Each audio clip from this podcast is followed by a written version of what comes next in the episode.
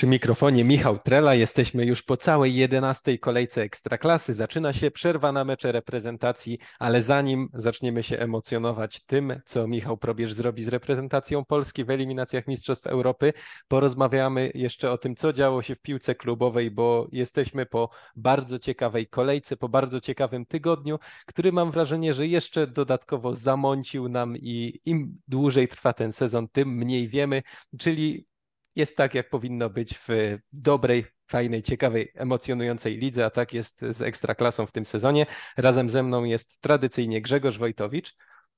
Witam wszystkich. I chciałbym zacząć oczywiście od hitu kolejki jed... i jednego z hitów rundy jesiennej całej, czyli meczu Legii Warszawa z Rakowem Częstochowa, bo to spotkanie na pewno wybijało się na pierwszy plan, gdy patrzyliśmy na rozpiskę 11 kolejki.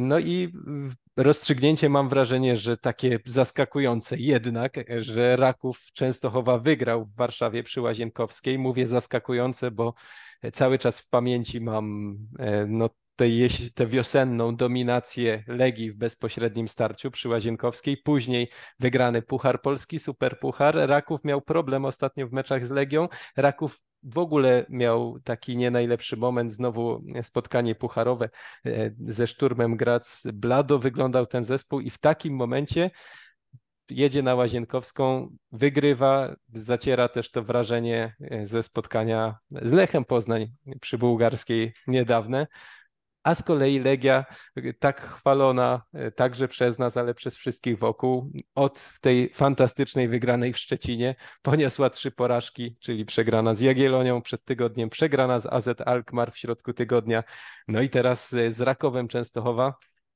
Jak y, dużą wagę ty przywiązujesz do tego, co się, co się tam wydarzyło, to do tego meczu przy Łazienkowskiej? Czy to nam znowu coś powiedziało, czy tylko zamąciło? Znaczy nic nie powiedziało konkretnie, natomiast no, e, tutaj znowu chyba trzeba przywołać te już takie słynne, wyświechtane słowa Aleksandra Wukowicza o Legii, że tam nigdy nie jest tak dobrze, jak się mówi, tak źle, jak się mówi, więc w pewnym momencie po tych meczach z Aston Villą, po tym meczu w Szczecinie, no po prostu ogłoszono, wszyscy ulegliśmy, nie wiem czy złudzeniu, no bo, bo podstawy jakieś tam były ku temu, że że Legia, nie wiem, w tej chwili wyrosła na drużynę, która przerasta wszystkie inne kluby w Polsce. Może tak i jest w szczytowych momencie jej formy. Natomiast no, okazało się, że, że, że jednak nie ma możliwości, żeby polska drużyna nie płaciła jakiejś tam ceny za intensywną grę na kilku frontach.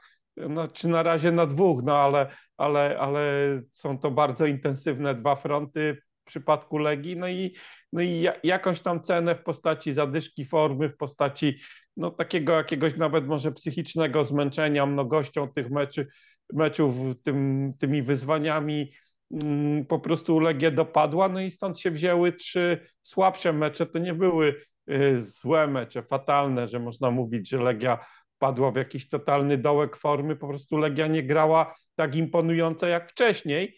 No i to, jak się okazało, wystarczyło do tego, że, żeby tych meczów nie wygrać. No, oczywiście trafili najpierw na będącą w bardzo dobrej formie Jagiellonię, potem na, no co by nie mówić, dość klasowego rywala no, z lepszej ligi, e, który może nie zagrał AZ Alkmaar jakiegoś super meczu, ale, ale widać było tam jakąś jakość piłkarską. No i teraz doszło do starcia z Rakowem, no co by nie mówić dalej, drużyną z czołówki. Oczywiście dla mnie faworytem tego meczu była zdecydowanie Legia, bo po ostatnich meczach, jak y, można było jakąś tam lekką zadyszkę formy Legii dostrzec, to Rakowie to nawet momentami można mówić było o sporej obniżce, bo bo Rakowowi się przytrafiało ostatnio dużo słabych meczów, nawet nieprzeciętnych, ale słabych.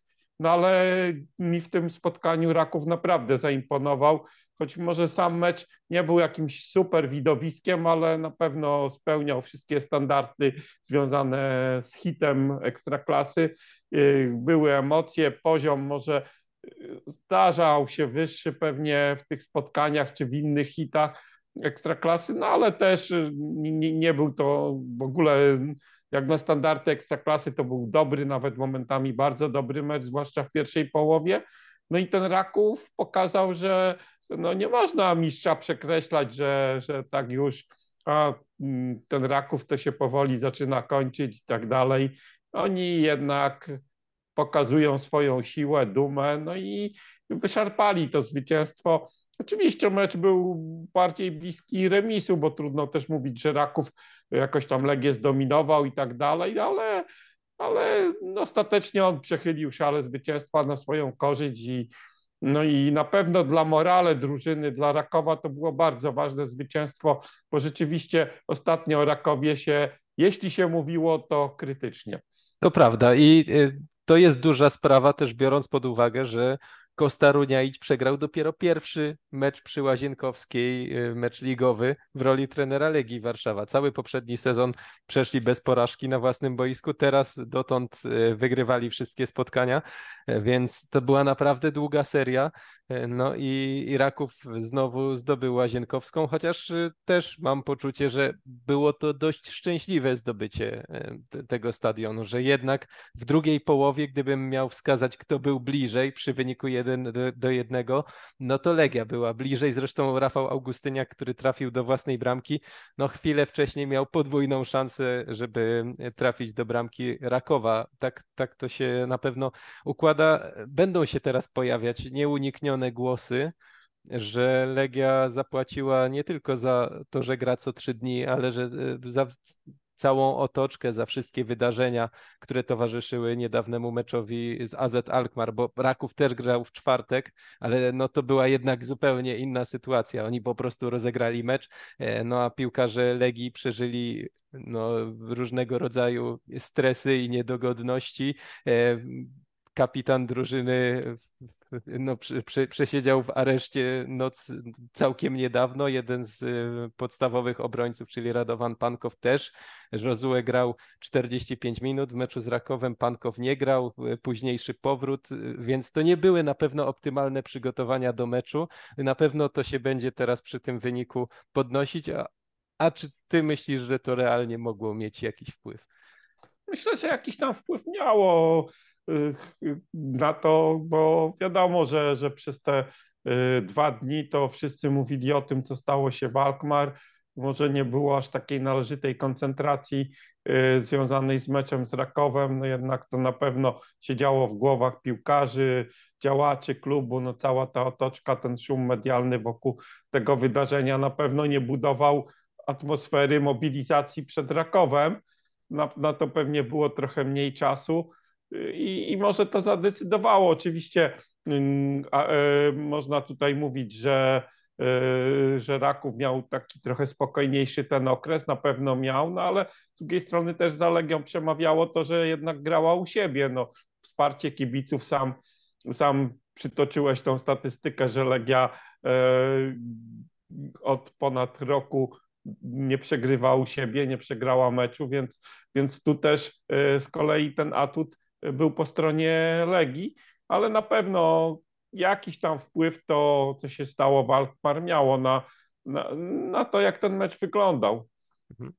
Ja tak patrząc na czołówkę tabeli w tym sezonie, e, mam takie poczucie, że cały czas jest jakaś trzecia, czwarta kolejka, że że ta tabela jeszcze zupełnie nie wygląda tak, jak powinna, że się tak wyrażę. No jest e, właściwie jedna trzecia sezonu za nami. To z jednej strony jeszcze dużo e, pozostało do rozegrania i, i to naturalne, że jeszcze się będzie wiele zmieniać, ale, ale jakoś na razie ten sezon się wymyka takim narracjom, że to będzie sezon tej drużyny, nie wiem, Lecha Poznań, jak wtedy szedł na stulecie po mistrzostwo, no to dość mocno się zapowiadało już właśnie w takiej środkowej fazie rundy jesiennej, że to będzie ten sezon. Gdy Raków ruszył po mistrzostwo, to też się wydawało, że to jest ten sezon.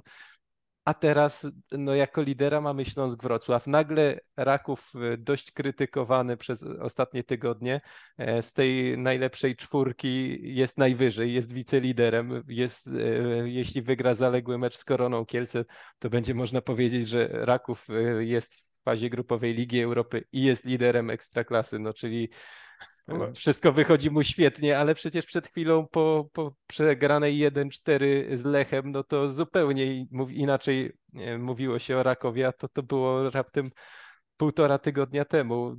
Po meczu ze Szturmem Grac też były takie głosy już, że jednak Dawid Szwarga e, zepsuł trochę tę drużynę którą przejął po Marku Papszunie i że z transferami nie trafili. I, i można to odnieść do każdej z tych czołowych drużyn. Zresztą, jak popatrzymy, mm, każdy z zeszłorocznej czołowej czwórki, czyli z Pucharowiczów, e, zagrał po dwa bezpośrednie mecze e, wewnątrz tej czwórki, no i każdy zdobył trzy punkty i to tylko pokazuje, że, że da się tutaj właśnie żonglować. Lech ograł pewnie Raków, ale wpadł pod koła Pogoni. Pogoń ograła, przegrała z Legią, ale rozbiła Lecha. Raków przegrał z Lechem, roz, wygrał z Legią, no i, i Legia odniosła imponujące zwycięstwo w Szczecinie i przegrała u siebie z Rakowem i to właśnie te, ten mętlik sprawia, że, że trudno dzisiaj powiedzieć, czyj to będzie sezon. Tak, w tym kontekście, czy jeśli chodzi o jedną drużynę, natomiast gdy tak się na tą popa tabelę popatrzy trochę wnikliwiej, to ona tak wcale teoretycznie nie musi wyglądać jakoś dziwnie, bo mm, nie zapominajmy, Legia ma zaległy mecz z Krakowią, Lech ma zaległy mecz z Jagiellonią i Raków chyba ma zaległy mecz z Koroną. Do, e, załóżmy, że te trzy drużyny zdobywają po trzy punkty. Jaką mamy wtedy czołówkę, ścisłą czołówkę tabeli? No, no nie, tak, ma tam, nie ma tam ani Śląska, ani nawet tej, ani Jagiellonii. Czyli, czyli mamy pierwszą trójkę poprzedniego sezonu na trzech pierwszych miejscach. Oczywiście no i właśnie, i właśnie te tu mówię, że jest to są dziwnie, dopiero że jest dziwnie, bo, jest bo je trzeba tak, tak zdobyć. Tak, tak. Nie, nie Ale to... o, o, to mi chodzi, że jest dziwnie, bo e, przecież Raków i Legia łącząc ligę z pucharami e, miały w ogóle przynajmniej na tym etapie sezonu e, mieć wielkie problemy w ekstraklasie, wypadać z walki o mistrzostwo. To miała być dla Lecha e, wielka szansa. A, a tutaj no, wychodzi na to, że okej, okay, Raków i Legia trochę punktów pogubiły grając co trzy dni, ale na tyle niewiele, że po prostu zeszły do pułapu e, no, e, takiej grupy pościgowej, przez co jest bardzo duży ścisk w tej tabeli. Szóste Zagłębie Lubin traci trzy punkty do pierwszego Śląska. E, są te drużyny właśnie takie, pomijając Śląsk, Wrocław i Jagiellonię, no to, to, to właśnie już nawet to Zagłębie, Pogoń, no to to wszystko było wymieniane wcześniej e, jako potencjalna czołówka, ale po prostu e, i, i tu się zgadzam, że jak popatrzymy szerzej na kilka zespołów, to no to może nie ma jakiejś wielkiej niespodzianki, ale po prostu no ja mam poczucie, że, że nie wiem, w którą, ten, w którą stronę ten sezon będzie zmierzał I, i z jednej strony to jest świetne, a z drugiej strony to jest dziwne, zaskakujące, bo zwykle jednak jak się siedzi w danej lidze, to na tym etapie już sobie coś można wyobrażać. Nie zawsze się to ziści, ale no, no nie wiem, jak, jak dla mnie rzadko, rzadko się zdarza tak do tego stopnia że, że jak coś się zacznie już nam wydawać, że będzie się działo, to, to trzy dni później to jest skasowane kompletnie. No, oczywiście, ja myślę, że to jest jeszcze naprawdę za wcześnie na, na wyciąganie wniosków, bo według mnie, no jak ten sezon według mnie będzie wyglądał? Myślę, że będzie walka o Mistrzostwo Polskie między trzema klubami, Legią, Lechem i Rakowem i, i na razie wszystko ku temu zmierza. O tym, czy Lech będzie miał przewagę nad tymi dwoma zespołami z racji tego, że nie awansował do fazy grupowej europejskich pucharów i będzie miał po prostu lepsze możliwości przygotowywania się do konkretnych meczów. Ja myślę, że o tym, y, czy to będzie atutem Lecha, będziemy mogli mówić w listopadzie, w grudniu, bo wtedy tak naprawdę te, e, te trudy grania w Europie i w ekstraklasie naprawdę dotkną albo nie dotkną Legii i Rakowa, więc, więc ja myślę, że tutaj jeszcze z tymi e, takimi e, wnioskami, czy E, e, czy Lech na przykład będzie na tym korzystał, trzeba, trzeba jeszcze trochę poczekać, bo, bo to jest jeszcze taka mimo wszystko dla mnie faza sezonu, że, że jeszcze tego paliwa w baku ma i Legia, i Raków. Te kluby naprawdę mają szerokie kadry, jest sporo rotowania. To nie jest tak, że, że, że, że, że ci zawodnicy są aż tak strasznie eksploatowani, jakby się mogło wydawać, ale to powoli zmęczenie będzie narastać i podejrzewam, że Raków czy Legia jeszcze w tej jesieni czekają jakieś tam takie kryzysy, które, które po prostu mogą sprawić, że Lech to wykorzysta. Natomiast Lech chyba swój jakiś taki większy kryzys ma powoli za sobą i, i, i, i może tego rozpędu nabrać. Chociaż, e, chociaż chwilę, między... Chociaż czekaj, czekaj, wtrącę, mówiąc, wtrącę ci się, bo no. mówisz, Lech ma większy kryzys powoli za sobą, ale od większego kryzysu do tego, co mówisz, y, między tym był tylko mecz z Puszczą Niepołomice wygrany 4-1, więc y, tak, ja ale, mam wrażenie, ale... że tam cały czas kryzys jest tuż pod powierzchnią, no przy no, chwilę jest, trochę no, no, schowany. Wiesz co, my tak troszkę, znaczy ja, ja strasznie tego meczu, y, tej klęski w Szczecinie Lecha 0,5 aż nie przeceniam. Po prostu ja wtedy mówiłem, że to był mecz, który się tam w jakiś sposób zdarza. No czasami po prostu jest taki dzień, że się nic nie udaje, trafiasz na rywala, któremu wszystko wychodzi. Jedna porażka 0,5 no generalnie waży tyle samo, co porażka 0-1. Oczywiście nie dla kibiców styl jest ważny, tam Lech zagrał fatalnie, ale ja, ja bardziej tą tą klęskę w Szczecinie traktuję jako taki jakiś wypadek przy pracy, natomiast też nie uważam, żeby Lech, e, e, ta forma Lecha jakoś tam eksplodowała, natomiast myślę, że ta drużyna mimo wszystko, mimo tej wpadki totalnej w Szczecinie robi takie e, powolne kroki do przodu i, i gra coraz lepiej. Tak mhm. myślę. Myślę, że Lech jest mimo tej, tej takiej wpadki w Szczecinie na fali wznoszącej. Może się mylę, ale takie wrażenie odnoszę. Znaczy ja, ja płynnie przeszliśmy i dobrze, ale ja temu Lechowi nie ufam. To znaczy hmm. y, nauczył mnie ten zespół Johna Vandenbroma do tego, że nawet jeśli mi się podoba, nawet jeśli myślę, że jest dobrze, to spodziewam się, że za rogiem jest jakieś rozczarowanie i to, to się często sprawdza.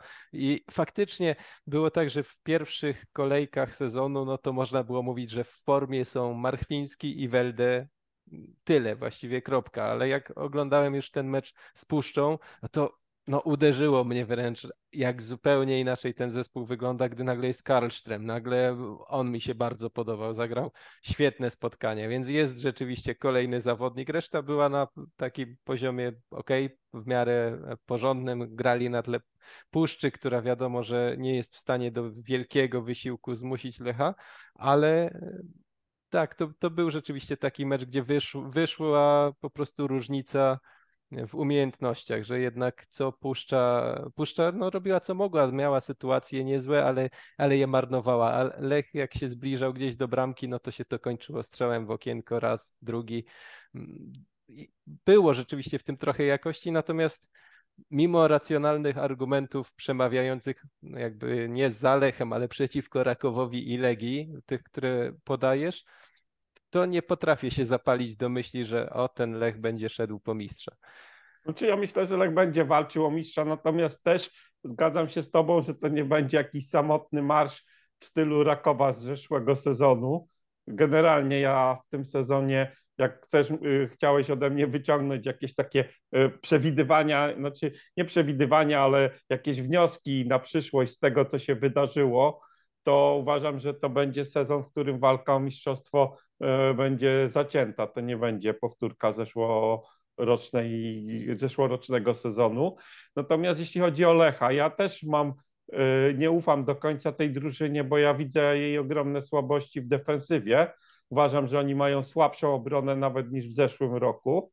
I, i, i, i, tego zdania nie zmienię. Uważam, że tam dokonali jakościowych zmian personalnych na gorsze i generalnie to nie funkcjonuje. Natomiast tu już do, dochodzą pewne elementy w ofensywie, bo ty wspomniałeś o Kalsztromie. Ja jeszcze bym wspomniał tego Baluę, który y, przez ileś tam półtora roku zdobył dwie bramki, a w tych ostatnich meczach też dwa, czyli wyrównał swoje osiągnięcie i widać po nim, że coś tam zaczyna coś tam mu się w tej głowie przestawiło, coś, y, jakieś korzyści z jego gry drużyna zaczyna mieć, bo wcześniej to był tylko robienie wiatru, żadnych liczb, żadnych konkretów.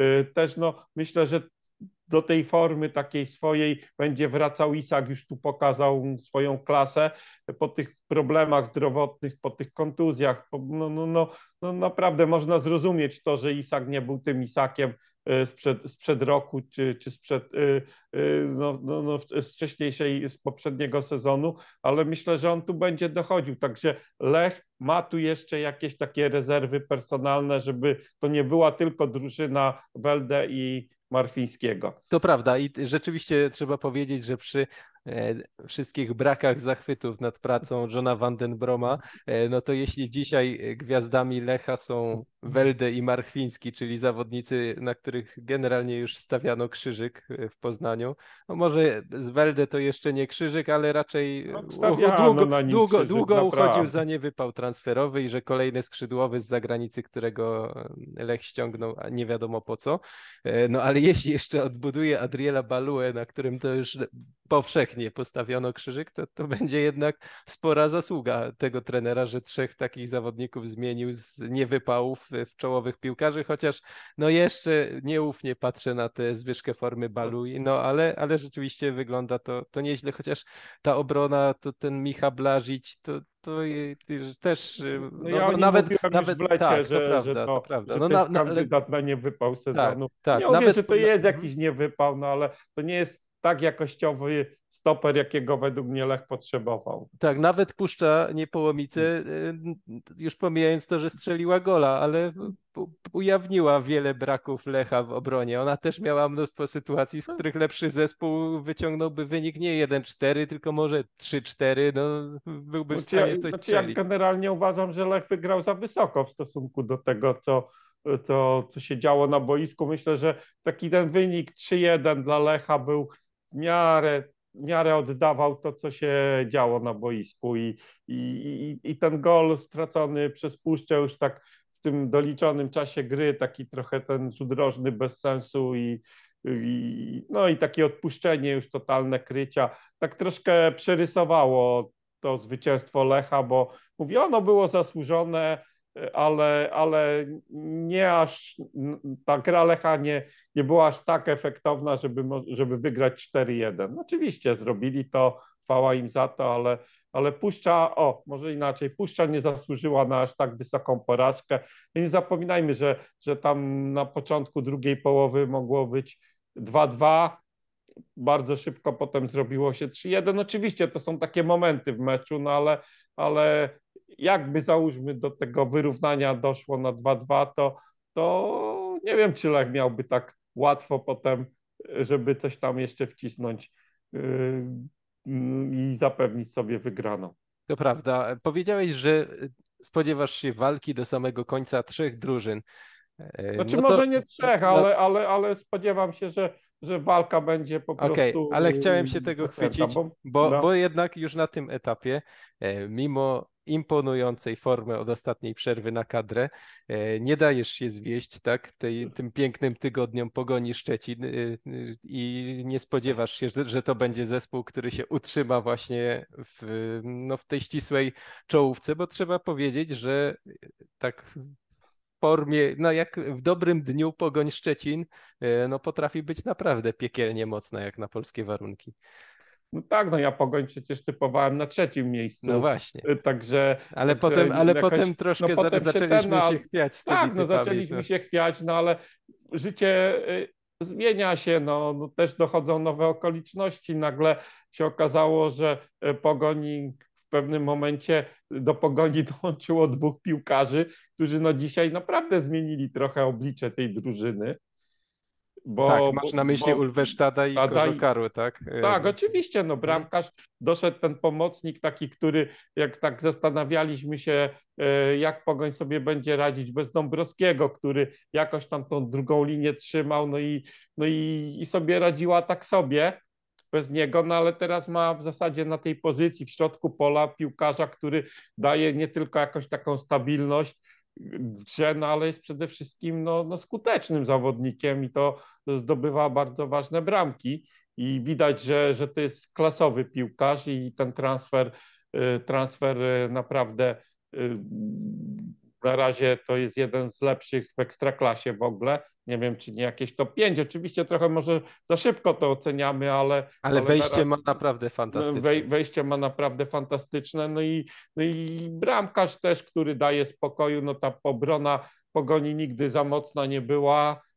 nawet teraz też, też to jest formacja, która no, jest daleka od, od poziomu, jaki ten klub powinien mieć. no choćby, choćby ten mecz mieć, z ruchem. Nawet ten mecz z ruchem. Tak, tak, no ale mówię, no ale no, z tym Klebaniukiem w bramce też myślę, że gdyby Pogoń miała, nie wiem, no Stipice w normalnej formie takiej y, sprzed dwóch lat może, no albo te, tego bramkarza trochę wcześniej y, obecnego, to, to, to też uniknęłaby jednej czy dwóch porażek y, wcześniej w tym, tym takim dołku, w którym była, więc, więc, więc mówię, no tu też przy, pewne czynniki są zewnętrzne, są zmienne i, i czasem właśnie dołożenie jednego czy dwóch piłkarzy zmienia drużynę, natomiast nie pogoń w meczu z ruchem mimo pewnego zwycięstwa też jakoś specjalnie nie zachwyciła. Nie wiem, czy, czy, czy ciebie, ale też takie samo mam poczucie jak meczu z Puszczą, że owszem, zwycięstwo było zasłużone, jak meczu Lecha z Puszczą, zwycięstwo Lecha było zasłużone, natomiast za wysokie i tak samo uważam, że, że też Y, Pogoń nie zasłużyła na wygraną trzema bramkami z ruchem, że tu też y, to, to zwycięstwo, patrząc na to, jak grał ruch, nie powinno być aż tak okazałe. Tak, po, po pierwszy ruch y, miał wystarczająco wiele sytuacji, żeby przynajmniej jednego gola strzelić, a po drugie rzeczywiście no Pogoń jak na siebie, no to to nie był ten ofensywny rozmach y, z poprzednich meczów, y, czy z Lechem, czy z Krakowią, czy nawet z Legią tym, tego przegranego 3 do 4. Natomiast no też Miałem już e, takie wrażenie, że mówiliśmy o Jensie Gustafsonie, że on się potrafi obronić, kiedy się robi gęsta atmosfera wokół niego, to drużyna zaczyna wygrywać, ale ostatnio zaczęła się robić gęstsza atmosfera wokół klubu w ogóle, czyli działaczy, dyrektora sportowego Dariusza Adamczuka. No i też na koniec okienka e, wyciągnął z e, kapelusza dwa transfery, które od razu właśnie do pierwszej jedenastki i, i wzmocniły zespół, więc no potrafią zareagować w odpowiednim momencie, zanim jest y, tak już zupełnie za późno, zanim jakoś sprawy eskalują w Szczecinie i trener, i dyrektor sportowy, więc no, też widzę ewidentne braki które w obronie, które sprawiają, że nie ufam pogoni w walce o mistrzostwo, ale, ale znowu wr wróciłbym do typów sprzed sezonu, że, że to miejsce w czwórce, patrząc na to, jak oni grają, jest jak najbardziej do zrobienia. Tak, tak. No na razie w kierunku, zmierza to w tym kierunku, zwłaszcza, że no zobaczymy, jak długo potrwa taka no, świetna pasa tych, tych rewelacji sezonu dwóch, czyli Jagiellonii i Śląska. Śląska została już w pewnym sensie troszkę przyhamowana, bo nie mówmy, że przerwana, no ale nie udało się odnieść kolejnego zwycięstwa w meczu z Górnikiem. Tak, właśnie dobrze, że o tym mówisz, bo wydarzyły się w tej kolejce dwie rzeczy takie, które z poczucia no, takiej elementarnej sprawiedliwości dobrze, że się wydarzyły. To znaczy, że ta napompowana do granic możliwości seria zwycięstw Śląska Wrocław, chociaż były w tej serii mecze wcale niezbyt dobre też, e, zakończyła się, chociaż e, właściwie w ostatniej akcji meczu z Górnikiem Zabrze tutaj Szymon Czyż e, pozbawił Śląsk ósmej wygranej z rzędu. A druga rzecz to Zagłębie Lubin wygrywające u siebie 1-0 po takiej zupełnie minimalistycznej grze tutaj tym razem stały fragment gry i prowadzili z Piastem trochę wcześniej niż Górnik, ale Piast też odrobił straty, zremisował i, i to były rzeczy, które właśnie sobie myślałem, no to już przesada. Zagłębie czwarty raz z rzędu wygra u siebie 1-0. E, Śląsk Wrocław w ogóle wygra ósmy raz z rzędu znów po meczu, gdzie był błysk wielkiej indywidualności Erika Exposito, a poza tym w sumie niewiele się działo, jeśli chodzi o Śląsk, więc y, no, obie te drużyny zaczęły sezon świetnie, są wysoko w tabeli. Śląsk jest liderem, natomiast jeśli mają pozostać w tej szóstce, to ja oczekuję od nich więcej, że, że jednak będą pokazywać więcej niż w ostatnim czasie. Tak, no, no Śląskowi po prostu jak gdyby nie wiem czy pech, no ale ten los, taki ta fortuna e, zabrała tym razem to, co dawała we wcześniejszych meczach, nie wiem, no, z Wartą Poznań, niewykorzystany rzut karny w końcówce, czy, czy jakieś tam po prostu takie mecze, gdzie, gdzie po prostu no, wygrywali troszkę szczęśliwie, e, tak, bez, bez jakiejś super gry.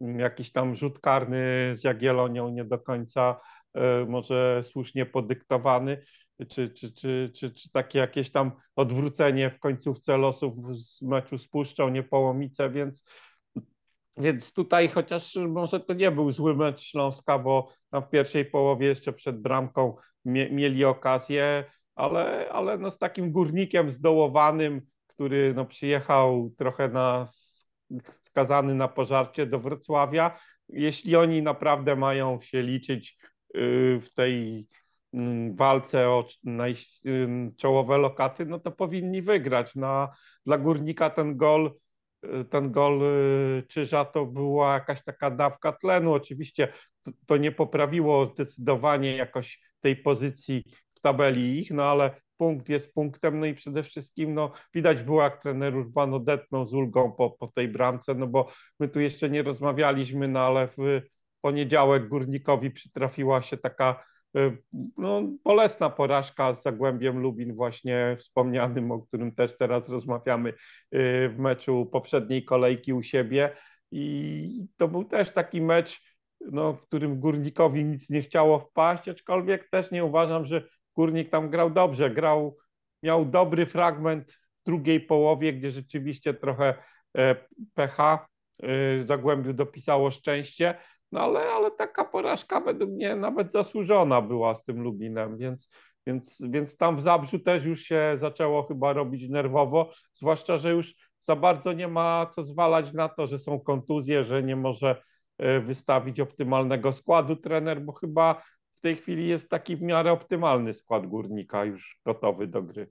Tak, to prawda. I, I ten skład wygląda dobrze, jeśli się porówna, to znaczy na papierze dobrze, jeśli się porówna nazwiska do tych z pierwszej, drugiej kolejki, to jest znacznie lepiej, ale, ale na boisku tego dalej nie widać. Ja mimo wszystko spodziewam się, że w którymś momencie oni ruszą, ale zdaję sobie sprawę, że głupio już brzmi, kiedy jest jedenasta kolejka i cały czas mówię, że w końcu ruszą i jest jedna trzecia sezonu i, i dalej to wygląda tak samo, no ale będę się tego trzymał i, i co do Śląska, ja też mam takie poczucie wciąż, że no, no, nasz przedsezonowy typ to było dwunaste miejsce i może to jest trochę za surowe z dzisiejszej perspektywy, ale dalej nie mam przekonania, że to się nie może skończyć właśnie w tych rejonach, w tych okolicach, że no, była fenomenalna faza sezonu, o której się będzie mówić jeszcze przez lata. Śląsk ustanowił klubowy rekord, y, który pewnie długo trudno będzie pobić. No, ale jakoś, no, no właśnie nawet z, z, tych rewelacji ligi, to znacznie więcej widzę takich pozytywnych elementów w Jagiellonii Białystok, która też jest wysoko, ma punkt mniej, ale mecz rozegrany mniej, więc też może być na tym poziomie, ale, ale jakoś piłkarsko mnie ten zespół znacznie bardziej przekonuje. Jeszcze tylko do Śląska chciałem dodać jedno zdanie takiej, takiej uwagi, że y, oni chyba następny mecz grają z Legią, tak? Tak po kadrze i myślę, że dla mnie ten mecz może trochę da odpowiedzi, bo oni owszem z tych drużyn z czołówki wygrali z Lechem Poznań, ale trafili akurat na takiego Lecha, który był totalnie wtedy zdołowany, więc, więc... Jeszcze wygrali z Pogonią Szczecin, też no wtedy w złym momencie. A, no... Też w złym momencie właśnie, a myślę, że, że ta Legia po takiej dwutygodniowej przerwie, no wiadomo, tam dużo zawodników będzie na reprezentacji, no ale... I Josue ale... pauzuje za kartki. Kartki, no ale mimo wszystko, no dla mnie jakimś to testem będzie po prostu, czy, czy ten Śląsk rzeczywiście już należy uznać jako zespół czołówki, czy, czy, czy to po prostu wyniknęło tak, że że miał pewną fazę świetnej formy, do tego doszło trochę szczęścia i, i, i zacznie to powoli wracać na takie tory, y, na które, y, na które przewidywaliśmy. Tak, no są oczywiście dwie opowieści o tym, co się będzie działo ze Śląskiem. Jedna jest taka, że teraz Legia ich zweryfikuje, potem ruch Chorzów otwierający stadion śląski na pełnym entuzjazmie też wzniesie się na wyżyny i sprawi Śląskowi problemy, no i, i, i zacznie zespół z Wrocławia wpadać w jakąś spiralę. Zresztą e, ten poprzedni sezon, kiedy Jacek Magiera e, tam pracował, wprowadził ich do europejskich pucharów, oni bodaj byli najdłużej najdłużej niepokonanym zespołem w Ekstraklasie. Chyba 10 kolejek pierwszych y, byli bez porażki. No i, i mniej więcej w tym momencie zaczęło się wszystko psuć i Jacek Magiera tamtego sezonu nie dokończył, więc on też na pewno e, wyjątkowo dobrze zdaje sobie sprawę, że w trakcie sezonu wiele się może zmienić, ale druga opowieść jest też taka, że Śląsk po przerwie na kadrę zagra z Legią jeśli ten test jakoś zda, to następne mecze to są z Ruchem Chorzów dołującym, z ŁKS-em u siebie, e, czyli, czyli też dołujący, Krakowia, która ma też spore problemy, e, no i potem już jadę do, do końca rundy jesiennej, bo jest tak, taki etap sezonu, Radomiak, no i dopiero Raków w grudniu, e, no to e, może się okazać, że, że właśnie ten mecz z Legią to na parę tygodni do następnej przerwy na kadrę to będzie ostatni bardzo trudny sprawdzian przed Śląskiem i, i w ten sposób e, zupełnie niespodziewanie może się okazać, że Śląsk będzie zimował w czołówce. Do tego jest jeszcze daleko, ale też nie jest wykluczone, że tak się to skończy. Tak, no a teraz już wracając do tej Jagiellonii, bo mówiłeś, że ona lepsze wrażenie na to Tak, zdecydowanie. No i teraz pojechali też na Krakowie, wygrana 4 do 2 i no i co najważniejsze w przypadku Jagiellonii właśnie odniesiona na wyjeździe, bo gdyby to się zdarzyło w Białymstoku, no to można byłoby powiedzieć, no Jagiellonia tak u siebie już gra, ale, no ale oni jednak pojechali do Krakowa i zrobili, do, do pewnego momentu wydawało się, że zrobią Krakowi to samo, co zrobiła Pogoń Szczecin dwa tygodnie wcześniej. Tak i potem taki trochę zaskakujący moment, że, że tak może nie do końca, ale, ale tak tą końcówkę, ta końcówka trochę zatarła na mnie dobre wrażenie z Jagiellonii, bo y, w pewnym momencie, no, gdy się prowadzi 4-0 i, i, i jednak były takie też momenty, może nie do końca, ale ten mecz mógł im się całkiem wymknąć spod kontroli, bo, bo, bo Krakowia no, bardzo szybko zdobyła dwie bramki i potem było jeszcze kilka takich, może nie jakichś stuprocentowych okazji, ale, ale sporo zamieszania w polu karnym po tych wrzutkach, chyba tam nawet jeden strzał w słupek, więc, więc jakaś tam yy, yy, ta Krakowia mogła nawiązać kontakt bramkowy i wtedy różnie mogło być jeszcze w końcówce. Trochę mi brakowało takiego potem spokoju, brakowało mi też takiej jakości w wyprowadzaniu kontrataków, bo myślę, że ze 4-5 takich y, wyjść y, Jagiellonia całkiem fajnie zaczęła nawiązywać te kontrataki, ale w końcowej fazie zabrakło już takiego mm, pomyślunku, jakiegoś takiej no, no jakości wykonania. No, przynajmniej jeden z tych kontrataków można było zakończyć sytuacją bramkową. nie mówię, że golem, ale sytuacją bramkową, a, a to się kończyło jakimiś tam głupimi stratami. No i oczywiście jest tutaj duży znak zapytania, co e, z Imazem się dzieje, bo w tygodniu doznał kontuzji kolana i nie wiadomo, jak będzie to groźny uraz. I chociaż e, w Krakowie bardzo godnie zastąpił go Hansen, ale, ale no na dłuższą metę, gdyby on wypadł na kilka tygodni, to, to byłaby to dotkliwa strata dla Jagiellonii. Tak, tak. Jeszcze e, są ostrożni z diagnozami, ale kilka tygodni rzeczywiście można było usłyszeć, że Imaza może nie być i to byłaby bardzo duża strata. I zgadzam się z tym, co mówisz, że ten wynik jest trochę trochę napompowany jednak względem wydarzeń na boisku, bo e, jak spojrzymy nawet na koniec, pięć celnych strzałów oddanych przez Jagiellonię, cztery strzelone gole, a jeden z tych celnych strzałów to też skończył się golem, tylko po prostu po dobitce e, został wykorzystany, więc y, poza tym niewiele było sytuacji, w których madejski bramkarz Krakowi został zmuszony do jakiegoś wysiłku. Y, też y, tych kontr było nie za wiele. Przy stanie 2-0 Krakowia miała, czy 0-2 Krakowia miała sytuację, żeby strzelić kontaktowego gola. Potem przy wyniku 2-4 na pół godziny przed końcem też były momenty, żeby Krakowia do tego meczu wróciła. Z drugiej strony, no tłumaczę sobie jednak, że jak już prowadzisz 4-0, no to, to może się w zawodnikach pojawić myśl, że e, no, że tu się już nic nie wydarzy, że przy 2-0 coś takiego trzeba by było krytykować, ale przy 4-0 no jest dla mnie, no usprawiedliwiam to jakoś i przez to, że Jagiellonia jednak utrzymała tę dwubramkową wygraną, no to powiedzieć, te dwubramkowe prowadzenie, no to, to powiedziałbym, że jest jest dobrze, jest ok i no, oni, oni mi się ostatecznie podobali, chociaż było w tym wiele takich szczęśliwych elementów, że ten mecz im się po prostu dobrze ułożył. Też nawet jeśli dobrze wchodzisz w spotkanie, to nie zawsze prowadzisz 2-0 po dwóch pierwszych sytuacjach. Tutaj bramkarz tak, Krakowi to... bardzo pomógł, bo, bo i przy strzale z rzutu wolnego i przy tym wypuszczonym strzale z dystansu mocno pomógł i przy innym zachowaniu bramkarza mogło być 0 do 0 do przerwy i, i, i, też mogło się to zupełnie inaczej potoczyć. No tak, to był taki trochę dziwny mecz, bo Jagiellonia miała takie dwa wejścia w obydwie połowy, w pierwszej i w drugiej też przecież te, te, te gole bardzo szybko padły i też w bardzo krótkim odstępie czasu. Y, więc, więc to były takie, takie nokautujące ciosy na wejście. Ale to też jest powtarzalne, jeśli chodzi o Krakowie, bo właśnie ten tak. mecz z Pogonią to była szybko stracona bramka na 0-1, trochę później niż w tym spotkaniu z Jagiellonią na 0-2, ale też tuż po wyjściu z szatni, kiedy się pewnie nastawiali, że a zaraz złapią kontakt, postarają się pójść do przodu, to dostali gola na 0-3 i tu też go dostali i, yy, i potem na 0-4, więc do, do 0-4 przebieg był bardzo podobny do meczu z Pogonią, więc więc to tak, już tak. jest jakoś niepokojące też dla Krakowi.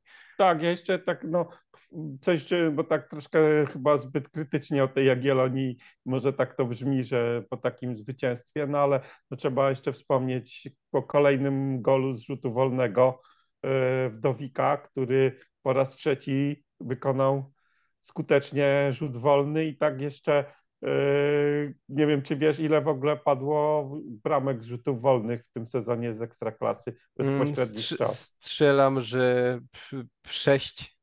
Nie, padły cztery. Aha. Czyli trzy strzelił Wdowik, jedną, jednego Josue jedną Josue, taki Aha. też, no to nie był strzał to, to była bramka, bramka Kevina Komara bardziej. Znaczy, tak. no to była taka wrzutka, która wpadła do bramki, bo, tak, tak. bo myślę, że to nie był w zamyśle strzał, bo, bo, bo raczej takich lekkich strzałów się z wolnych nie oddaje, gdy się chce zdobyć bramkę, no ale, ale wpadło, nie? No jeszcze oczywiście można e, tutaj tak naciągnąć ten, tego wolnego Bartłomieja Pawłowskiego z poprzedniej kolejki, gdy, gdy no, no, tam piłka odbiła się od poprzeczki, od pleców bramkarza, no, to się tak, zgodnie tak. z regułami zapisuje jako samobójcze trafienie. Mi to nawet bardziej już by podchodziło pod tego gola niż to, co Josue zrobił, no ale to też pokazuje, jaki to jest spory wyczyn, że, że on dalej z tych wolnych bramki strzela. I jeszcze taka jedna uwaga, tak się zastanawiam, bo wreszcie, bo to był taki pierwszy mecz e, w wykonaniu bramkarza Krakowi Madejskiego, który no, był noszony na rękach po pierwszych meczach i był ogromnym zaskoczeniem, gdzie tutaj jakieś tam pretensje można do niego zgłaszać. Tak się zastanawiam, czy, e, bo wiemy w jakich warunkach atmosferycznych ten mecz się odbywał, dość silny wiatr, ale też takie mocno przenikliwe słońce i w drugiej połowie zauważyłem, że Alomerowicz, który właśnie poszedł na tą stronę, e, bronił w czapce z Daszkiem, natomiast Madejski tej czapki nie miał i tak I potem czas się zasłaniał. E, tak, tak. I, I tak nawet była taka całkiem podobna sytuacja, bo Krakowia miała rzut wolny z podobnego miejsca jak Wdowik i Knap też taką posłał piłkę pod poprzeczkę, może mniej precyzyjnie, bardziej w środek, no ale, ale Alomerowicz zdołał to odbić. Właśnie może mu ta ten daszek trochę Ja też miałem taką, taką myśl właśnie w trakcie tego meczu, że nigdy się nie dowiemy, co by było, gdyby e, Madejski bronił w czapeczce, albo gdyby Alomerowicz nie wziął czapki. No ale to, to, to też jest taki detal rzeczywiście, który mógł mieć wpływ, bo e, widać było po zawodnikach, że przeszkadzało im to nie tylko bramkarzom i Adrian tak. Dieges, e, zwracałem też uwagę, stoper Jagiellonii, no gdy rozgrywał, to też właśnie często widać było tę dłoń zasłaniającą oczy, tak żeby żeby, żeby coś dojrzeć na boisku. To październikowe słońce, popołudniowe, nisko i widać, że przeszkadzało. Tak, on tak, tak, tak Krakowi jest właśnie tak usytuowany, że o tej porze, jak zachodzi słońce, o tej porze roku, to, to no właśnie bardzo mocno oświetla tą jedną bramkę, no i, no, no, no, i tak, tak właśnie to no było. No i trzeba też umieć na to zareagować. Tak. Alomerowicz to zrobił, y, Madejski nie i, tak. i to też miało potem, być może miało jakiś wpływ na wynik. Tak. E, chciałbym jednak słowo poświęcić Krakowi, bo, no, bo, nawet coś, więcej. bo coś niesamowitego się jednak dzieje, że zespół, który, no ten teren był trudny. Wiem, że trenerzy o każdym mówią, że to jest trudny teren, ale ten był naprawdę trudny. Wielu zespołom ciężko się było o punkty, gdy się przyjeżdżało na Krakowie. Trudno tam się strzelało gole y, i to jest coś niesamowitego, że Krakowia dwa mecze z Kamilem Glikiem dodatkowo w obronie y, traci dziewięć goli y, na własnym stadionie. To, to jest naprawdę coś trudno, trudnego do wytłumaczenia. Tak, no ja to nawet sobie zastanawiałem się, jak to wytłumaczyć i jedyne, co mi przyszło do głowy, może nie do końca to jest najmądrzejsze, ale to, że E, wcześniej Krakowia grała no może z trochę słabszymi drużynami, nie będącymi w jakiejś tam optymalnej formie, a teraz e, trafiła na dwie najlepsze ofensywy w lidze, bo Pogoń jest najlepsza, ma 23 bramki ta drużyna, Jagiellonia jest druga egzekwo z Rakowem po 22, czyli czyli powiedzmy, że w zeszłym tygodniu Krakowia straciła zero bramek w meczu z beznadziejnym ŁKS-em, a tutaj gdy ta jakość y, rywala w ofensywie była trochę większa, to, to już, już był problem. Problem też był w meczu z pierwszoligowcem, z Górnikiem Łęczna w Pucharze Polski, trzy stracone bramki. Ten problem taki generalnie z defensywą Krakowi według mnie zaczął się już w meczu z Widzewem, tym przegranym 0-2. Tam było już sporo takich dla mnie niezrozumiałych błędów. Druga teza, no przyszedł Karol, Kamil Gligi, to wszystko zdezorganizował. Nie wiem, może, może tak, może nie. Ja też przyglądałem się tym bramkom jeszcze raz uważnie wszystkim I, no i trudno mi naprawdę Kamila Glika winić za stracone te bramki. No, przy pierwszej rzut wolny, jaki miał na to wpływ? Przy drugiej może trochę tak, bo on odpuścił takie blokowanie tego strzału na, na, na Rancho za pola karnego. Z drugiej strony to też jest szkoła taka, żeby nie blokować strzałów z dystansu, bo to często się kończy rykoszetami a, a no to był teoretycznie strzał, z którym bramkarz sobie powinien poradzić. Nie poradził sobie, padł gol. Potem przy tych dwóch następnych golach, no jeden stały fragment, gdzie to nie był zawodnik, którego on krył, ani nie jego strefa. Przy, przy tym drugim golu też podanie z boku, też y, bramkę strzelił nie ten zawodnik, którego on miał teoretycznie by kryć, więc, więc też trudno mi się jakiejś tu wielkiej winy doszukać jego w tym, ale no generalnie Krakowia w tej grze obronnej nie funkcjonuje tak, jak powinna. Tak, no to, to na pewno widać i jeszcze tylko taka ciekawostka. E, wiesz, ile meczów, ile bramek Krakowia straciła w meczach u siebie w 2023 roku do meczu z Pogonią Szczecin? O, nie wiem, pewnie z 12, 13. Siedem. Siedem, siedem no. straconych od y, początku lutego do 23 września i dwóch ostatnich dziewięć. No. no to rzeczywiście. Trener, e, trener Zieliński było to pytany na konferencji. Oczywiście żadnej jakiejś odpowiedzi nie udzielił, ale widać było, że sam nie wie po prostu dlaczego. No nie, Nawet to, nie, to że unikał takie... odpowiedzi, hmm. ale, ale, ale tak no, no, szczerze mówiąc mówi, no, mówi że no, no, no naprawdę grają tym samym systemem, bo, bo nic się nie zmieniło, nie było jakiejś zmiany, zmiany taktyki. Y, no ludzie też w sumie no, prawie ci sami, więc, więc no, jakaś zagadka, no, czasem tak bywa. To prawda i nie, może, dziwi, może, nie może myśmy się, mieli też Aha. przerysowaną też jakoś tam y, wyobrażenie o tej sile defensywy Krakowi, no jakbyśmy wyjęli parę Y, parę niesamowitych interwencji Madejskiego, na przykład w meczu z Zagłębiem Lubin, czy z Piastem Gliwice. Czy z Radomiakiem wcześniej. Z Radomiakiem te cztery słupki, no to, no to nagle by się okazało, że ta defensywa wcale aż taka super nie była, że po prostu no, no, no, te bramki nie wpadały, ale błędy były i, i to, że one nie wpadały, to raz, że trochę pech rywala, właśnie słupki poprzeczki, a dwa, no trochę też bramkarz ratował sytuację i skórę kolegom, którzy popełniali błędy. Teraz bramkarz nie, nie, nie ratuje, sam dołożył się, jeśli chodzi o popełniane błędy, więc, więc tak tak naprawdę musiał, musiałbyś chyba bardziej może wiarygodne by było, gdyby posprawdzać te gole oczekiwane w tych meczach, czy,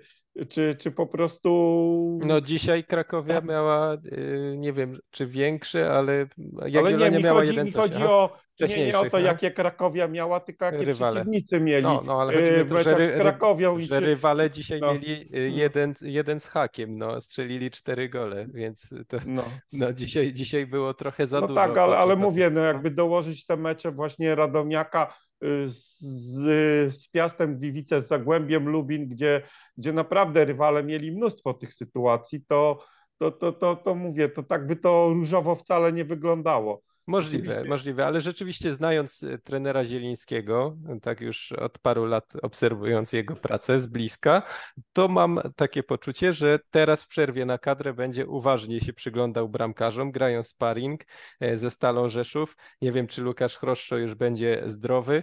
E, jeśli tak, to, to jest taki moment, w którym które się zdarzały już trenerowi Zielińskiemu, czyli nie wiadomo dlaczego zespół nagle zaczął tracić więcej goli niż tracił, to może zmienimy bramkarza i zobaczymy, co się wydarzy. Już e, Niemczycki tracił w taki sposób miejsce w składzie na rzecz Chroszczo. Wcześniej Michał Probierz też coś takiego robił. Trenerzy czasem tak robią, więc nie wiem, tak, czy masz podobnie. pamiętam tak, posadził, że... Tak, tak. No, nie wiem, czy masz Sam nawet mówił, ja myślę, że... że... po prostu on nic nie zawalił, no ale przegrywamy z nim, to zmieniamy. Tak, tak. tak I, takie i właśnie trochę irracjonalne zasadzie... tłumaczenie. Tak, tak. Myślę, że próba e, takiego przełamania jakiejś złej serii bramkarza, że po, potrzebuje e, usiąść, odpocząć, spojrzeć na to wszystko z boku, więc jeśli tylko w tym sparingu e, ze Stalą Rzeszów się bramkarze zaprezentują nieźle, to, to nie zdziwiłbym się, gdybyśmy po przerwie na kadrę ujrzeli między słupkami kogoś innego, mimo całego dobrego początku e, ze strony Madejskiego, ale to tylko, tylko taka teoria. Na pewno Krakowia będzie miała no właśnie sporo do, do pracy przez najbliższe dwa tygodnie, bo nie dzieje się z nimi najlepiej. E, schodzimy coraz niżej w tej tabeli, e, no ale jest jeszcze w okolicach środka bym się chciał zatrzymać, bo Widzew e, znowu wygrał u siebie, wygrał 1 do 0 po pięknej bramce Andrejsa Ciganiksa i chyba najważniejsze, co można o Widzewie powiedzieć na, czy, czy po jednej trzeciej sezonu, że oni wrócili do wygrywania u siebie, że znowu gdy jedzie się do Łodzi na ich stadion, to można się nastawiać na trudny mecz, bo widzę zwykle te spotkania u siebie wygrywa i tutaj mimo wszystko, mimo że nie zachwycił mnie widzę, to e, uważam, że to była zasłużona wygrana i, i więcej było takich ciekawych akcji ze strony gospodarzy. Tak, ja myślę, że nawet mogła być odrobinę wyższa ta, ta wygrana yy, Widzewa. No, no coś już tam po prostu zaczyna się zarysowywać, już jakiś tam ten obraz Widzewa, jaki sobie pewnie trener myśliwiec yy, planuje, zaczyna się już tam z tych majaków, z tej mgły wyłaniać. Coraz, coraz więcej już jakichś tam jest takich elementów nowych i, no i dla Widzewa to jest kluczowe, no wygrywanie u siebie, zresztą dla każdej takiej drużyny, która nie chce być zamieszana w bezpośrednią walkę o, o utrzymanie, no to każdy, każde zwycięstwo u siebie to jest po prostu bez, bezcenne. No, no przede wszystkim punkty się u siebie zdobywa i wygrywa. No, wyjazdy to są jakieś tam takie bonusy, które tam raz na jakiś czas się pewnie będą przytrafiać, ale, ale te, te, ten główny jak gdyby te, te, te główne, ten trzon punktów to trzeba zdobyć u siebie. Widzę, w to robi. Stal przegrała trzeci mecz z rzędu. E, mhm. No i jeśli to jest ta faza sezonu, w której e, Stal punktuje lepiej, to mogą mieć problem, bo to jest 12 punktów po 11 meczach, czyli taki wynik no, no bardzo na granicy, e, jeśli, jeśli to rozciągnąć na, całą, na cały sezon, właśnie tak trochę ponad punkt na mecz punktowanie, ewidentnie gorszy moment stali i po przerwie na kadrę grają z Wartą Poznań i będzie to miało już taki, no, będzie pachniało meczem o 6 punktów dla jednych i drugich.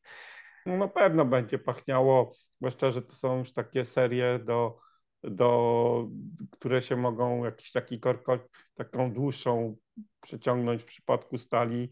Mm, no, rzeczywiście, no Stal, ale Stal nie gra jakoś dużo gorzej niż grała według mnie, no ale.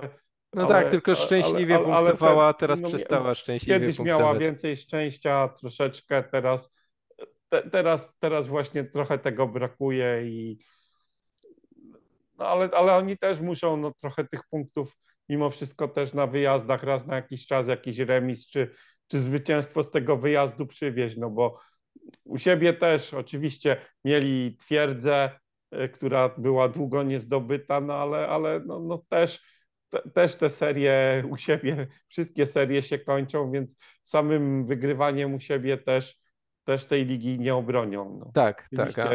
Na pewno, tak jak wcześniej mówiłem w przypadku Widzewa, to, to jest podstawa, ale, ale też no, trzeba coś czasem z tego wyjazdu przywieźć. No Warta, e, która pojedzie do Mielca, przywiozła coś z wyjazdu, przywiozła punkt. Zarzekał się e, trener Szulczek, że wygrają z Koroną. E, mówił to bardzo pewnie i pełen przekonania i trzeba powiedzieć, że no był bardzo blisko, bo ostatniej akcji meczu w zamieszaniu w takim kotle pod bramką wypuszczona, wygrana z koroną. No i, i nie przełamali się, nie mają tego wyczekiwanego zwycięstwa. Dalej są problemy w Warcie, ale też to, ten mecz wyglądał tak, że Koronie chyba zaczyna wracać e, szczęście, które im dopisywało na wiosnę i, i właśnie wiele takich punktów wyciągali wiosną.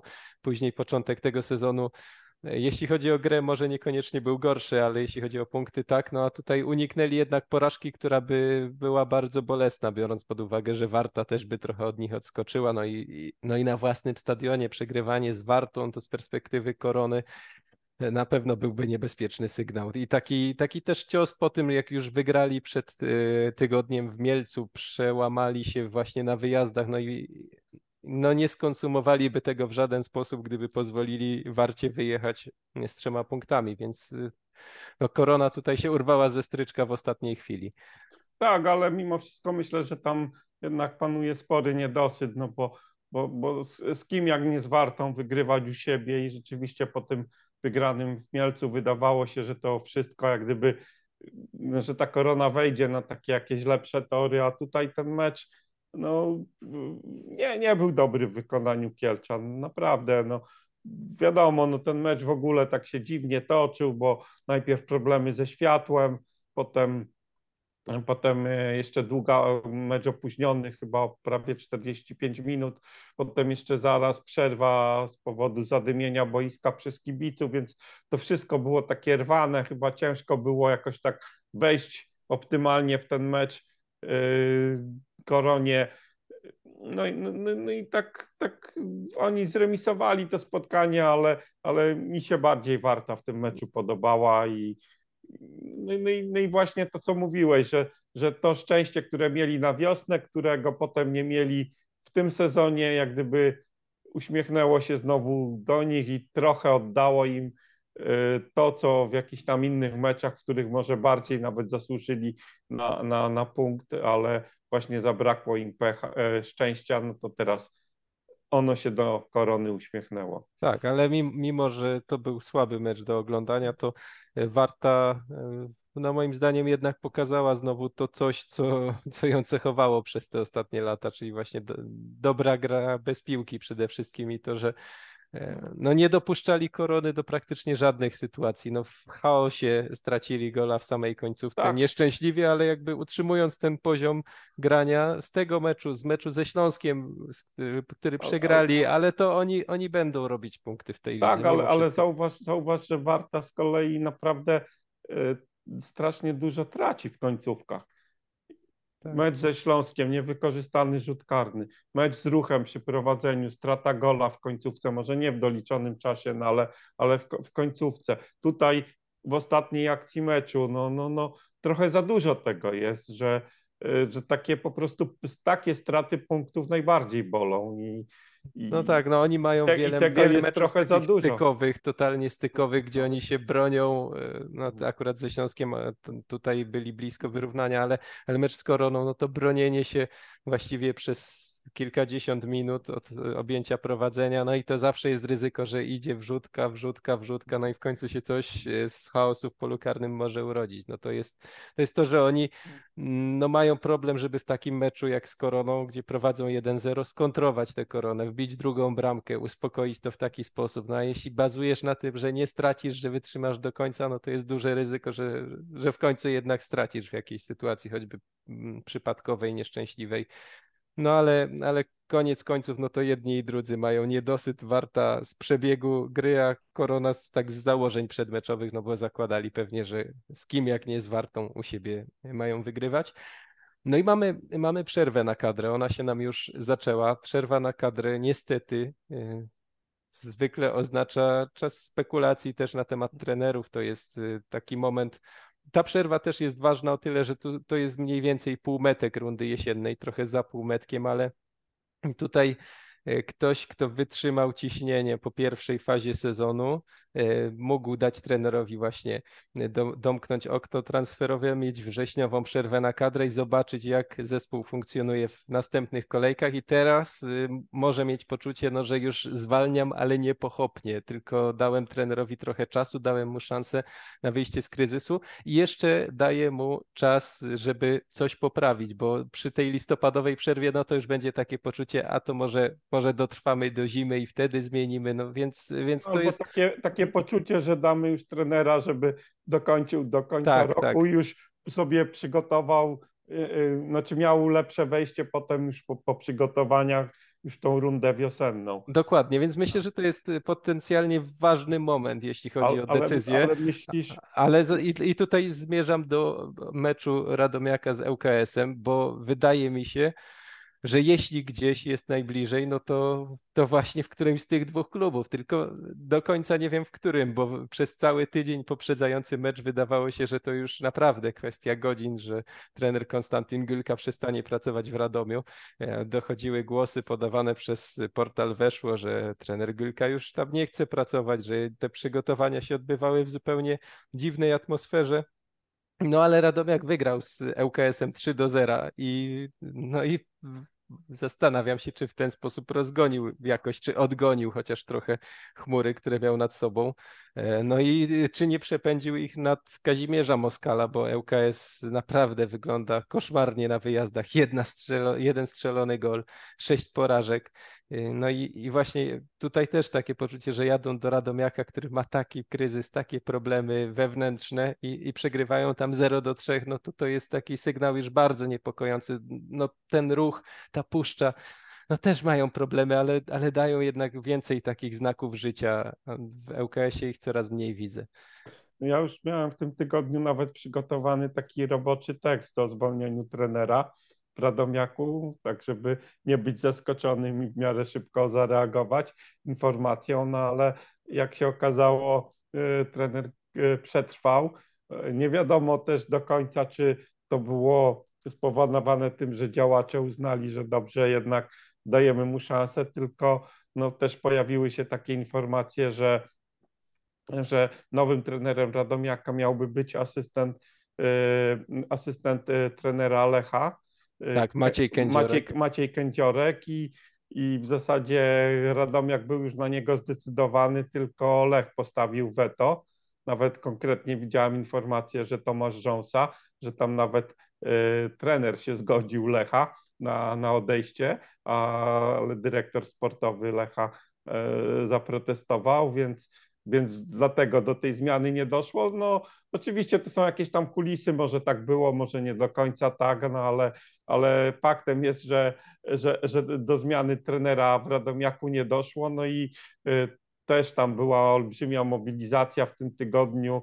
Y, kibice przyszli na trening, jakieś rozmowy motywacyjne. No, oczywiście tam chyba nic złego się nie wydarzyło. To rzeczywiście były takie rozmowy, które miały pobudzić znaczy pomóc zespołowi, wrócił doping, więc Radomiak zagrał no, bardzo dobry mecz, no ale oczywiście cały czas trzeba mieć y, no, na uwadze, że zagrał z ŁKS-em, który no, w tej chwili według mnie jest najgorszą drużyną w Ekstraklasie, bo nawet nawet puszcza, czy nawet puszcza, puszcza i ruch Chorzów, które ostatnio też nie mają dobrych, dobrych wyników, nie notują, to jednak wydaje mi się, że prezentują na boisku trochę więcej jakości, mimo że też przegrywają, ale, ale jakoś te drużyny wydają mi się bardziej takie no, no, prezentujące troszkę wyższy poziom, natomiast ŁKS, ty mówisz o wyjazdach, no ale oni też zagrali beznadziejny mecz z Krakowią, więc... No przegrali z Wartą nie tak przegrali dawno u z Wartą, no tak, no, no, no, także u siebie no, no wyszarpali cudem ten remis z Jagielonią, yy, porzucie karnym w doliczonym czasie gry, także mogły być tam też, no, no były praktycznie trzy porażki u siebie, więc, więc no, no, no to wszystko zmierza do scenariusza, jaki był podczas ostatniego pobytu y, ŁKS-u w Ekstraklasie, gdzie też fajnie, w pięknym stylu wygrana pierwsza liga pod wodzą Kazimierza Moskala, zachwyty nad stylem i potem takie totalnie brutalne zderzenie się z rzeczywistością. Tam Y, prezes klubu wtedy nie wytrzymał i zdymisjonował Kazimierza Moskala. Nie wiem, czy w październiku, chyba troszkę później. Nie, nie, to on, on go zdymisjonował bardzo późno, bo w, Dość późno już, na wiosnę w przerwie pandemicznej. Nie, nie, nie, nie. On, on z Moskala zdymisjonował na pewno jeszcze jesienią to był jeszcze końcówka, nie wiem czy gdzieś tak na, na dwie, trzy... Mówię, przed... sprawdzam, ale jestem przekonany, Sprawdź, że to było... W... Mi, się, mi się wydaje, że tam był taki mecz że, z Wisłą... Drugi, drugi, 2 maja 2020 w przerwie pandemicznej. Aha, dopiero, tak? Tak, A to faktycznie, to przepraszam, to coś mi się tam zlało, czyli, y, czyli bardzo, bardzo długo wytrzymywał. Długo, właśnie do 26 kolejki, y, wtedy mhm. była przerwa, y, bo po prostu więcej nie graliśmy, była przerwa w rozgrywkach i po tej przerwie w rozgrywkach ŁKS wyszedł z Wojciechem Stawowym już, no ale to na ostatnie 11 kolejek, tak? Bo wtedy 37 graliśmy. Y, no a tak, tak, tutaj tak. właśnie, właśnie przez wzgląd na to spodziewam się, że mogą tym razem nie czekać do ostatniego momentu, tylko dać sobie jednak trochę większą szansę. Ale, ale, ale myślisz, że, że, że, to jest, że to jest jakieś rozwiązanie też, bo, bo mi się wydaje, że tam naprawdę jest bardzo mało jakości w tej drużynie. Jest, w związku z, jest mało jakości bardzo i dlatego myślę, że muszą spróbować y, trenera, który spróbuje zbudować z tej słabej drużyny coś więcej niż, niż właśnie tych piłkarzy, grać inny sposób. E, no, no, ja nie, jeśli Kazimierz Moskal ma zespół najsłabszy w lidze, to z nim spada z ligi i to pokazał w ŁKS-ie, to pokazała Sandecja i to były spadki, które pewnie innym trenerom by się też przydarzyły, ale, ale jakoś mam poczucie, że można bardziej powalczyć y, niż to jest często w przypadku Kazimierza Moskala.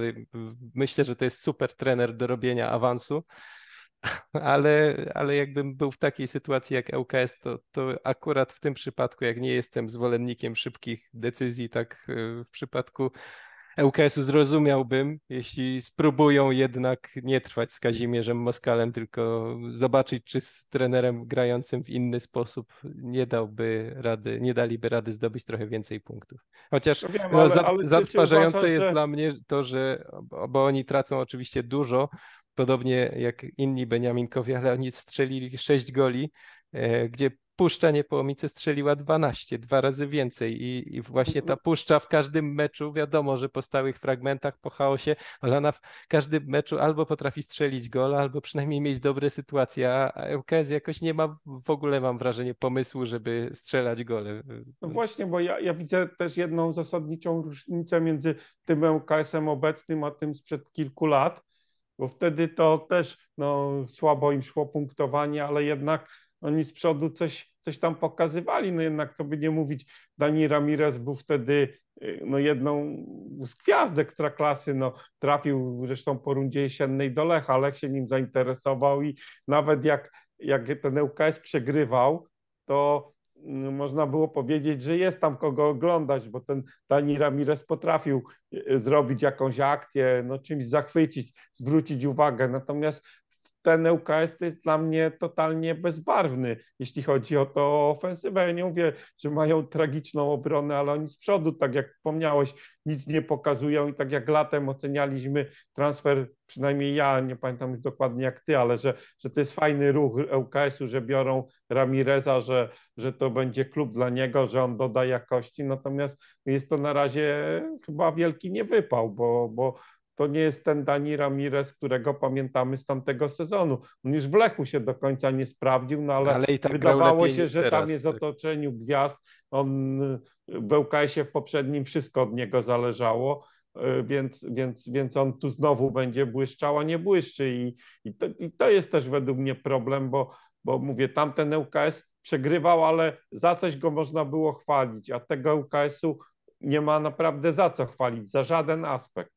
Poza tym, że w kilku meczach powalczyli do końca i wyszarpali tam albo remis, albo zwycięstwo. A, a tak to, zwłaszcza z wyjazdowych meczów, to już kompletnie nic. No właśnie, y, bo myślę, że zgodzimy się, że tak piłkarsko, jeśli chodzi o umiejętności, to Puszcza, Ruch i ŁKS to są najsłabsze zespoły na razie w Ekstraklasie i te 11 kolejek i to, że wszyscy trzej Beniaminkowie są w strefie spadkowej, to jest zrozumiałe. Natomiast jeśli bym miał e, wyobrazić sobie co sprawi, że któraś z tych drużyn jednak zostanie w lidze, jakaś taka wyrazista cecha, no to, to Puszcza ma wyrazistą cechę, czyli właśnie no, no to, co robi z piłką nożną, czyli, czyli po prostu zamienia go w sport, y, w którym liczą się tylko zagrania, czy głównie zagrania ze stojącej piłki, długie podania i tak dalej, no ale ma to opracowane bardzo dobrze, dużo biegania dołożą i dobra, uwierzyłbym, że utrzymają się tym, zajmą 15 miejsce. Ruch Chorzów to też mi ich trudno chwalić. Też widzę, że ten zespół ma mnóstwo problemów. Wygrał tylko jeden mecz z ŁKS-em, ale no, jeśli jakaś wyrazista cecha e, tego ruchu jest, to on, ich jednak trudno tak całkiem złamać. W nich jest cały czas życie, mimo tego, że mają najdłuższą aktualnie serię bez zwycięstwa no to już przegrywają grając beznadziejnie, spuszczą 0-2, wyciągają na 2-2. Mają mecz z Rakowem, przegrywają 1-4, już y, dochodzą na 3-4, więc no, tak, jeśli chodzi o takie cechy wolicjonalne, to w tej drużynie cały czas myślę, że jest ambicja, że tam może najbardziej z całej ligi brakuje umiejętności, ale, ale że oni mogą tym coś nadrobić ja nie widzę, w czym ŁKS się wybija, jakiejś tej jednej cechy. No mają bramkarza, młodzieżowca, który rzeczywiście dość dobrze tak, no, wygląda. No, chociaż to, tak, ale to też jest charakterystyczne. Teraz wskoczył za niego Dawid Arndt, też y, raczej pozytywnie oceniany za ten występ, ale przegrali 0 do 3. I Aleksander Bobek też zbiera świetne recenzje, zwykle po meczach, w których puszcza dwa albo więcej goli. Więc spróbowałbym e, ściągnąć kogoś, kto nada tej drużynie jakąś wyrazistą cechę. Nie wiem, czy to się uda, nie wiem, czy coś z nimi opracuje tak, że będą to robić bardzo dobrze i to będzie jakiś ich punkt zaczepienia. Nawet słabe zespoły, takie czy piłkarsko słabe zespoły jak Puszcza czy Ruch mogą mieć jakąś cechę, którą, którą jakiś punkt zaczepienia, jakąś nadzieję, której się kibice chwycą, a w ŁKS-ie ja takiego czegoś nie widzę. Tak, tak, no bo to, to, to co ja już też podkreślałem, no, no, no była tam moskalowa piłka taka fajna, ofensywna poprzednim razem, a teraz nie ma nawet tego, więc, więc to już jest taka kompletna, na razie beznadzieja. No. Najbardziej z wszystkich klubów, jeśli chodzi o spadek, to w tej chwili e, wydaje mi się, że jest zagrożony UKS, bo mówię, jakiś tam e, cień nadziei, jeśli chodzi o Puszczę jest, bo no generalnie no trzeba to jasno powiedzieć, ja tu Puszczę krytykuję, ale z Beniaminków jest to najlepsza drużyna, najlepiej sobie radzi w ekstraklasie, na miarę swoich możliwości oczywiście, no ale, ale, ale najlepiej. No a, ruch trochę lepiej, chociaż punktowo to jest oczywiście wszystko prawie tak samo, ale, ale, ale jeśli chodzi o jakość gry, to na razie najwięcej dziur, najwięcej braków najbardziej ta ekstraklasa przerasta UKS. Tak, i ruch jeszcze sobie może wmawiać pewne rzeczy. Na przykład e, Filip Starzyński teraz nie gra, ale jak wróci, on nie grał dobrze też przed kontuzją, ale jednak jest to taka trochę większa jakość, e, którą będzie może można wnieść. E, no, Tomasz Podstawski teraz dopiero wskoczył do składu, zagrał trzy pierwsze mecze też może trochę podniesie poziom tego zespołu. Ja nie wiem, czy to się wydarzy rzeczywiście, ale chodzi mi o takie, takie promyki nadziei, Że- których że- się że kibice tam chwycą. na czymś Tak, można no. budować. A nie wiem, co bym powiedział kibicowi ŁKS-u, jakbym go chciał pocieszyć. No, no że, że, że pierwsza No, liga też jest fajna. No, no, No, no tak, zwłaszcza dla UKS-u, bo Tak, nieźle tak. sobie tam radzą.